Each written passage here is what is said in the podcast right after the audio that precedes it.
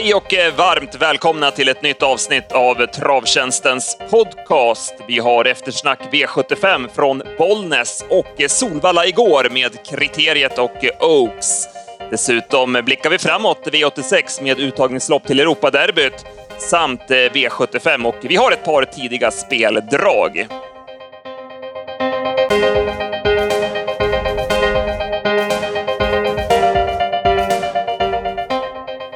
Ja, P.A. Johansson, du är med mig idag. Vi satt tillsammans igår på Solvalla och eh, njöt av fina unghästar. Ska vi börja i den ändan med kriteriet och eh, Oaks-uttagningarna? Ja, men det tycker jag. Det var ju, det var ju jättebra sport och det, det var fina vinnare rakt över och det kommer bli två mycket spännande finaler. Ska vi börja med eh, kriteriet så infriade ju favoriten Juan Perdy sitt eh, stora favoritskap. Vad tyckte du om honom? Han hade ju en rätt billig uppgift och det stod ju skrivet också att han skulle komma till ledningen och det gjorde han. Och, och han gick undan lätt efter tio och en halv sista åtta och vad man kunde höra i segersnacket så var Erik Adielsson väldigt nöjd med hur resten fungerade. För oss som stod vid sidan om så, så sa det väl egentligen inte så mycket annat än att han, att han funkar och såg väl inte direkt plågad ut heller. Barry Kronos vann ju också sitt eh, uttagningslopp då han höll undan för den stora snackhästen William, så att där blir det inget lätt val för Erik till finalen.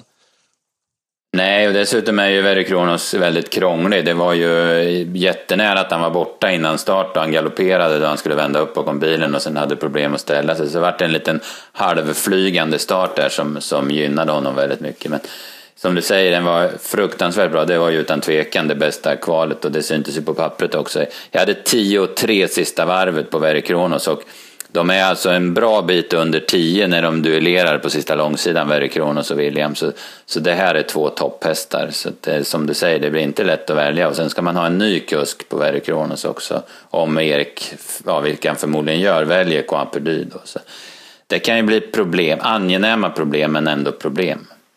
Ja, precis. Och det är ju samma sak med Juan Perdy som Erik känner så väl och eh, vet precis hur han funkar. Så att, eh, ja, det blir spännande att se. Men som du säger, det är väl ganska klar favorit på att han väljer Juan Perdy ändå. Det har ändå varit den stora stjärnan i kullen. Ja, precis. Han har ju bara förlorat en gång och då var han inte riktigt i ordning. Så att, nej, men det får man väl tro då. Sen, alltså Svante Båth, visst han hade många chanser på förhand, men han kvalar in fem hästar till kriteriet. Det är, helt, det är otroligt starkt. Det är det är en demonstration helt enkelt. Ja, det är bara att lyfta på kepsen och eh, en sån som Global Ampocco som jag var tveksam till eh, efter lite uppehåll och han har ju sprungit in snabba pengar under våren, men att han var så där bra direkt. Han vet hur man ställer ordning Svante inför de stora loppen. Ja, verkligen. Den, gjorde, den kämpade som en tiger. Alltså, det, var, det var imponerande. Oaks-kvalen, där var det Peter Untersteiner som dominerade och eh, ja, Run Chica Run var väl den som man tog med sig mest från hans eh, vinnare va?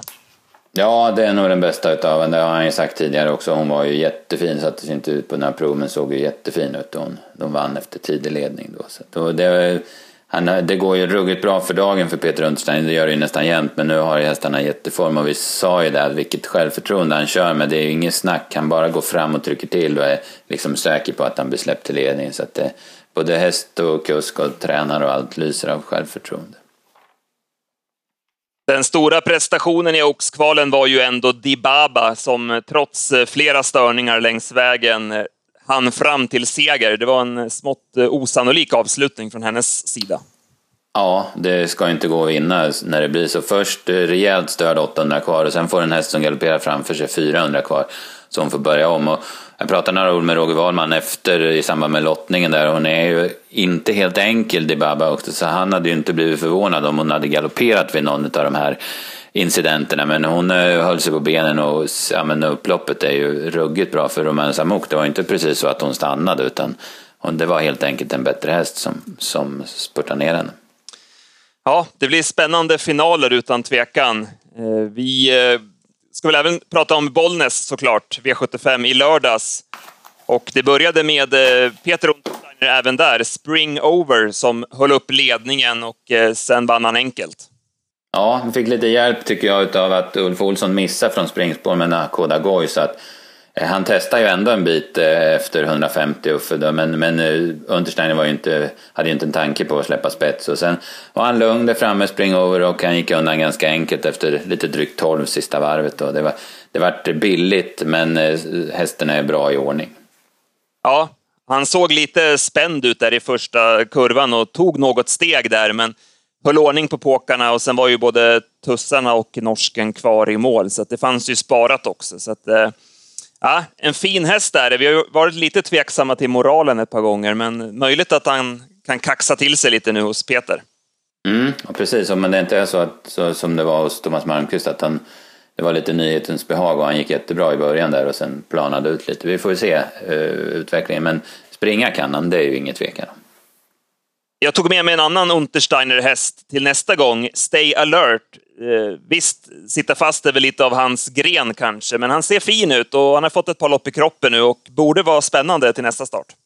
Mm, nu har vi ju puffat för honom två gånger så här i eftersnacket, så att han borde väl sitta där snart. V75 2. Här blev det eh, efter en bit unheard of till ledningen. Det var tio första 500, sen fick eh, Söderqvist dämpa i 20-tempo en bit, eh, men hon gav sig till slut Eh, där Karja spurtade till seger och eh, ja, där kan man snacka utveckling. Ja, Thomas Lönn har gjort ett eh, grymt tränarjobb med den här hästen som var tämligen enkel tidigare, men nu är hon stentuff. Hon gick i tredje spår utan rygg sista 700 och ändå mata ner en så pass rutinerad häst som Oceanic Clearance, den fick ju visserligen jobba lite utvändigt, men ändå, det var väldigt starkt av Karja. Jessica Sidbeck, hon var häftig, hon gjorde segergest. 50 kvar innan greppet var kopplat, men hon var säker och det, det mm. gick ju också. Det, ja, det, det var häftigt att se. Det var kanske inte så häftigt eh, för oss, vi var inte så inne, vi trodde det skulle bli vingen för Karja och la ner henne en bit. Istället hade väl våra drag otur. Fortune Teller satt fast med allt sparat och Firewire över frågan om inte den kan vinna om inte den tar några galoppsteg. Precis då Stenqvist styrde på från ryggen på Karja in på upploppet. Claes Sjöström hade ju ett val att eh, köra i andra spår. Eh, då hade han ju fått den positionen som Karja fick nu, men han valde ju invändigt lopp. Dock får ju han dra fram Karja om han kör i andra spår. I, så det är ovisst hur det går då, men då har de fått... Ja, precis. Johnny Takter var väl lite väl påställd med Oceanic Clearance ändå. Han körde ju väldigt tufft mot ledaren och åkte ju dit till slut. Så att med facit i hand så skulle han väl kört lite lugnare utvändigt ledaren. Ja, precis. Det, så är det ju. Men det, Anhörda var ju hårt betrodd och, och, hade ju som du sa fått dämpa där. Så att det är väl kanske inte så konstigt att han, att han körde som han gjorde. V75 3 och här var vi klart tveksamma till favoriten Rebel Face och det visade sig motiverat. Trots att han fick bestämma i ledningen så var han tidigt slagen och galopperade uppgivet i sista sväng. Ja, den var ingen bra. Det, han var sämre än han har varit tidigare, men det var ändå en, ingen bra favorit. Weekend Fun blev det mycket snack om. Han orsakade en omstart och sen i den giltiga starten blev det startgalopp. Om det var jänkarvagnen eller om man blev förpeppad av omstarten är väl, får man väl säga att det är osagt, men eh, nej, det funkade inte i alla fall. Nej, precis. Det, eh, jag tycker det ser svårt ut att, vända när de har jänkarvagn. Spår 7 är ju ganska snävt och Bollnäs är inte den bredaste banan i Sverige heller. Va? Så att, eh, jag tror det spelade in i alla fall. Det, det, de har ju ett stort ekipage att vända runt i alla fall när de har den vagnen. Så att, eh, eh det kan ha påverkat utan tvekan.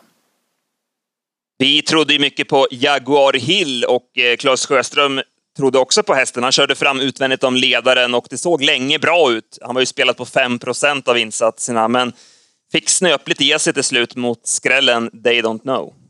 Ja, det var surt. Det var riktigt surt. vi hade ju sträcka, vi hade ju inte med så många här och vi hade även sträckat Track Angel då som nämndes i podden förra veckan. Han gjorde ju också ett bra lopp som trea, men They Don't Know var vi inte direkt inne på.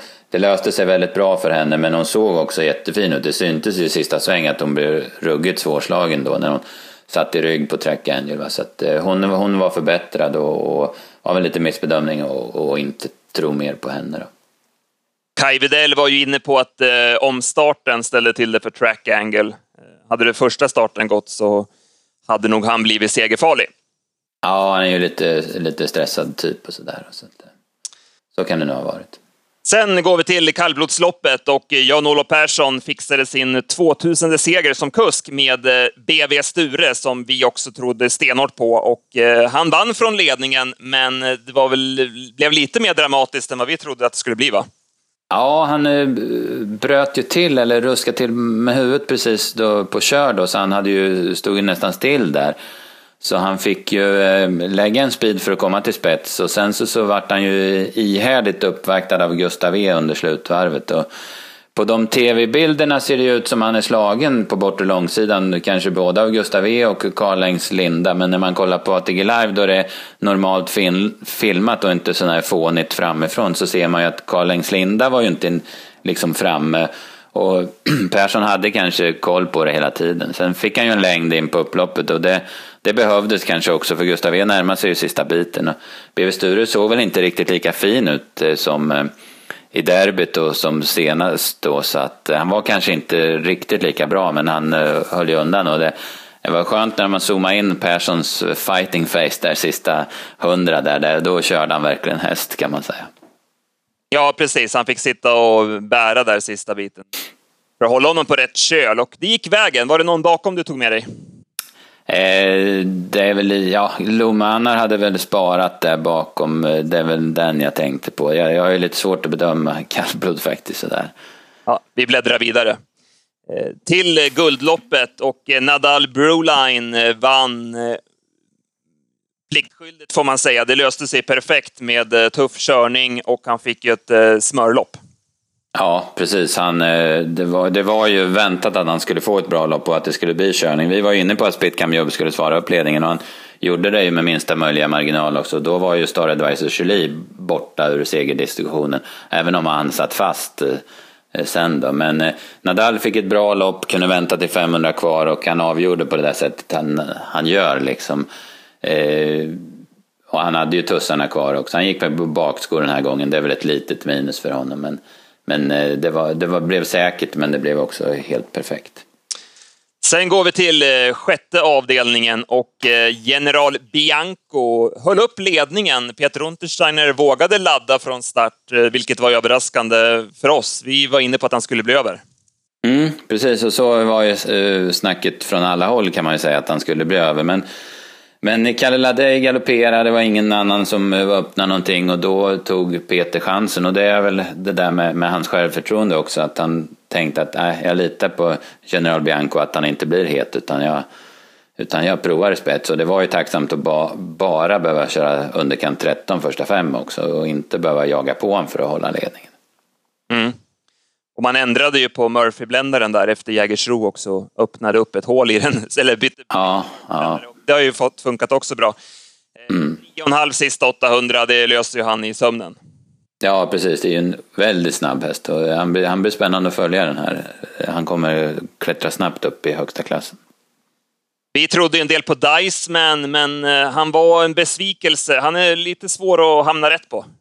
Ja, jag tyckte också. Jag tyckte han var dålig helt enkelt. Han öppnade ingenting och sen var han tämligen glödlös då. Och sen var vi lite inne på Magic Go också, men han, han har svårt bakifrån. Och så pratade jag med Kajan på Valla igår. Han sa att han var nog inte riktigt fräsch heller, så man, man får nog försöka. Man hade kollat upp honom inför den här starten, men hittade ingen. Men det är nog något som stör honom, var han inne på då, i alla fall. Han hoppar ju på baksidan där under anfall.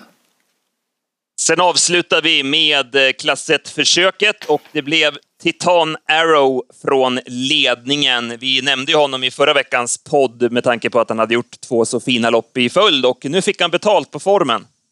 Mm, precis, och det var, han var ju bra för att han tog emot dem. Det var ju rätt så eh, rejäl körning och så blev han ju fränt utmanad sista biten. Men han, han sträckte på sig och som du säger, han fick verkligen utdelning på formen. Det var lite konstigt att han inte varit mer betrodd eh, ändå i, i slutändan. Han var bara spelad på 7% på V75. Ja, precis. Det är, det är för få som lyssnar på podden. ja, nej, det var ju inte bara vi som, som drog upp honom, så är det Men vi trodde ju hårt på honom och hade ju liksom ja, gick på honom kan man säga, men inte som spik, men hade ju en utgångsgrupp och så vidare. Men vi fick ju ändå ingen betalt och vi var snett ute i ett par andra lopp. Så var det. Eh, Pastore Bob såg ju segerfarlig ut på upploppet, men han tar ju inte i så att det knakar sista hundra. Eh, nej, precis. Elby Don Juan var väl den som såg fin ut bakom. Det var den, den tyckte jag såg bäst ut på, kanske på hela dagen utav de, de bakom vinnarna så att säga. Då tar vi med oss den till, eh, till nästa start. Ja, den eh, lirar jag nog. Sen fortsätter jag med mina drag där, Fortune Teller och Jaguar Hill. Jag tror de kommer vinna inom kort, båda två. Mm, bra stallform där hos... Mm, efter en lång svacka så verkar det som det är på rätt väg igen. Då. Då kollar vi på V86. Eh, onsdag, Solvalla Bergsåker delar på omgången och det är uttagningslopp till Europaderbyt. Eh, hög klass på tävlingarna. Ja, Vallas lopp. Det är två Europaderbyuttagningar och sen är det CTHs Memorial över CTH Erikssons Memorial över långdistans för högsta klassen. Så Vallas lopp är bra, Bergsåkers är lite blandad får man väl säga. Och i CETES så hittar jag min eh, vinnare den här veckan och det är eh, nummer 10, Zenit Brick. En häst som vi alltid har pratat oss varma om, men han har ju haft en hel del oflyt och galopperat bort eh, stora pengar. Men nu har han ju varit klart mycket bättre på slutet. Senast såg han ju dunderfin ut, men galopperade ju en tight situation på upploppet. Eh, två raka segrar i stor stil innan det. Eh, intressant med Björn Goop i vagnen. Jag tycker han passar perfekt på den här hästen eh, om man ska vara elak mot de här, vi säger, de namnen i loppet, så är väl de lite på retur kanske, samtidigt som Zenit Brick är på väg uppåt. Så jag tycker det känns som ett intressant drag i V86 4. Utan tvekan, precis som du säger, tycker jag med.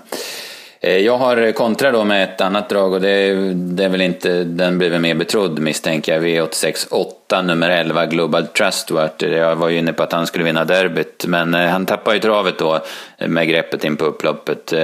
Nu får han prova igen i Europaderbyt och det hördes ju på Timo Nurmos att man var, han var inte nöjd med en trea där utan han skulle vässa inför Europaderbyt och så är nog gjort. Och jag är inne på att Global Trustworthy är bättre på 2,1 än på 2,6 jag tror det kan bli lite körning första biten och sen sätter Colgini färg på det med Rajers färg så kan Global Trustworthy spurta förbi dem till slut.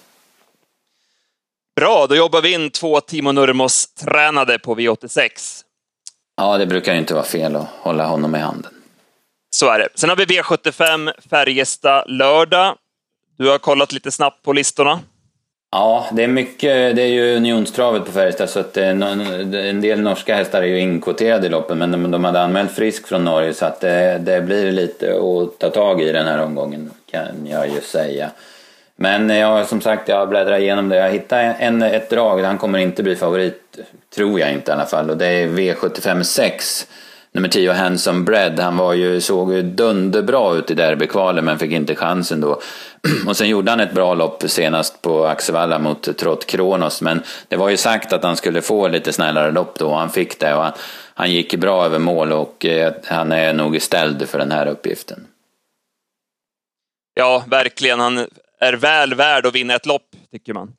Ja, precis. Det, hans avslutningar, både, eller som han såg ut i derbykval och avslutningen i Kungapokalen, det, är, det är ett mirakel att han inte har vunnit lopp i år. Det faktiskt, så är det. Då tar vi den och så nöjer vi oss för den här veckan. Jag vet att jag har lite strul med ljudet. Jag hoppas att det ska bli bättre till nästa vecka. Jag får be om ursäkt redan nu om det låter lite svajigt, men vi jobbar på det till nästa vecka. Det gör vi absolut. Ha det bra. Tack för att ni har lyssnat. Hej, hej!